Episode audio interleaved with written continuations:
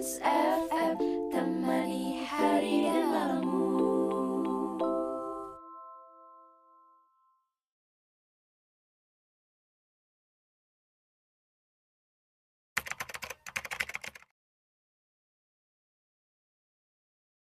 Kerinduan akan Gonzaga tuh kayaknya emang gak akan bisa tergantikan. Tapi ya tetap aja, ada rasa takut yang muncul kalau udah deket-deket rapotan.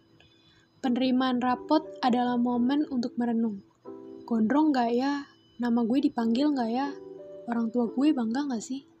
Dan yang paling sering dipertanyakan, apakah gue puas dengan hasil nilai ini? Rapot emang selalu jadi pusat perhatian. Tapi pernah nyadar nggak Rapotan sebenarnya penanda bahwa kita udah berhasil menyelesaikan satu level dan sudah saatnya untuk masuk ke level yang lebih tinggi. Tandanya, semakin mendekati akhir dari bersekolah di Gonzaga. Kita mulai sadar akan kedewasaan, dan semakin paham bahwa ada tanggung jawab yang lebih besar nantinya. Kadang kalau ingat mau lulus, mulai berasa sedihnya. Sekolah baru sebentar, tapi belum sempat merasakan Gonzaga secara offline Walaupun begitu, kita tidak bisa hanya melihat dari satu sudut pandang, karena pada kenyataannya, pandemi ini membuat kita lebih bersyukur dalam memaknai setiap momen yang ada.